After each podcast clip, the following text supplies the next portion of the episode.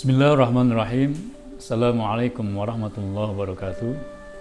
Alhamdulillahirrahmanirrahim. Allahumma salli ala Muhammad wa ala Muhammad amma ba'd. Saudaraku yang Allah muliakan, di dalam sebuah kitabnya yaitu At-Tamhid Ibnu Abdul Bar menukil sebuah pernyataan dari Umar bin Abdul Aziz. Beliau mengatakan bahwa qaimul lail wa nahar in lam yahfad lisanahu aflasa yaumal qiyamah.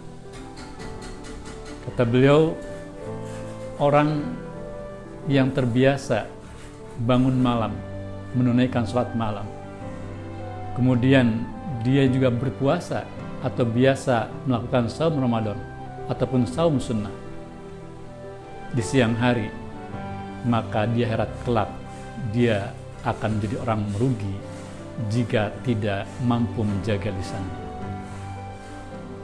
Saudaraku yang memuliakan, karena itulah kita menyadari bahwa esensi sholat malam adalah kita bertakwa kepada Allah untuk menjadi orang-orang yang bertakwa kepadanya.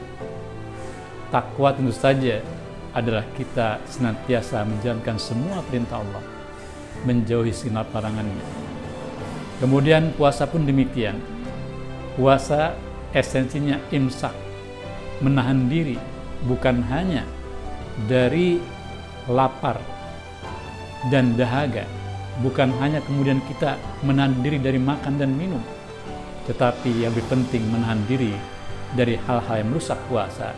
Di antaranya adalah bagaimana kita menjaga atau menahan diri dari ucapan-ucapan yang kotor, ucapan-ucapan yang kemudian memunculkan dosa dan maksiat pada Allah Subhanahu wa taala di antaranya seperti menggibah, membincangkan aib orang lain, melakukan namimah, adu domba, mencaci maki, menuduh orang lain tanpa bukti, dan lain-lain.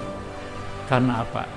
Karena betapapun kita berpuasa, betapapun kita biasa melakukan sholat malam, tetap itu akan memberikan peluang bagi kita untuk menjadi orang-orang yang bangkrut di akhirat. Nauzubillah min ini sebetulnya sesuai dengan apa yang disampaikan Nabi di dalam hadis Muslim bahwa suatu saat seseorang atau seorang muslim akan membawa pahala puasanya, akan membawa pahala zakatnya, akan membawa pahala segala amal solehnya ke hadapan Allah Subhanahu wa taala.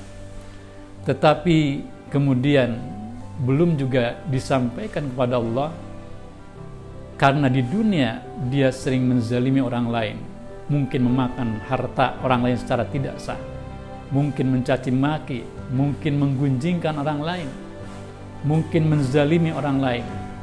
Maka nanti kata Nabi di akhirat, pahala orang ini akan dipindahkan kepada orang-orang yang dia zalimi, kepada orang-orang yang dia sakiti, kepada orang-orang yang dia gunjingkan, Bahkan seandainya pahalanya kemudian habis karena dipindahkan kepada orang-orang yang dia zalimi, dia sakiti, maka dosa-dosa orang yang pernah dia zalimi, yang pernah dia sakiti, yang pernah dia guncingkan aibnya akan dipindahkan dan dibankan kepada dirinya. Inilah yang menjadikan dia tergolong sebagai orang-orang yang muflis, orang-orang yang bangkrut. Karena itulah saya mengajak pada saya pribadi dan juga pada saudara sekalian malah kita di bulan Ramadan ini di samping kita menjaga diri menahan diri dari makan dan minum dan hal-hal membatalkan puasa maka kita pun selayaknya menjaga diri dari ucapan-ucapan yang kotor ucapan-ucapan yang kemudian melahirkan dosa yang merugikan orang lain.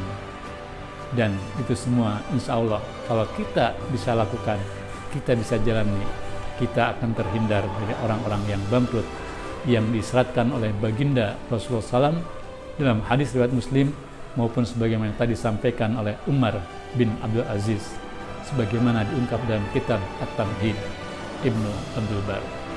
Demikian mudah-mudahan bermanfaat. Assalamualaikum warahmatullahi wabarakatuh.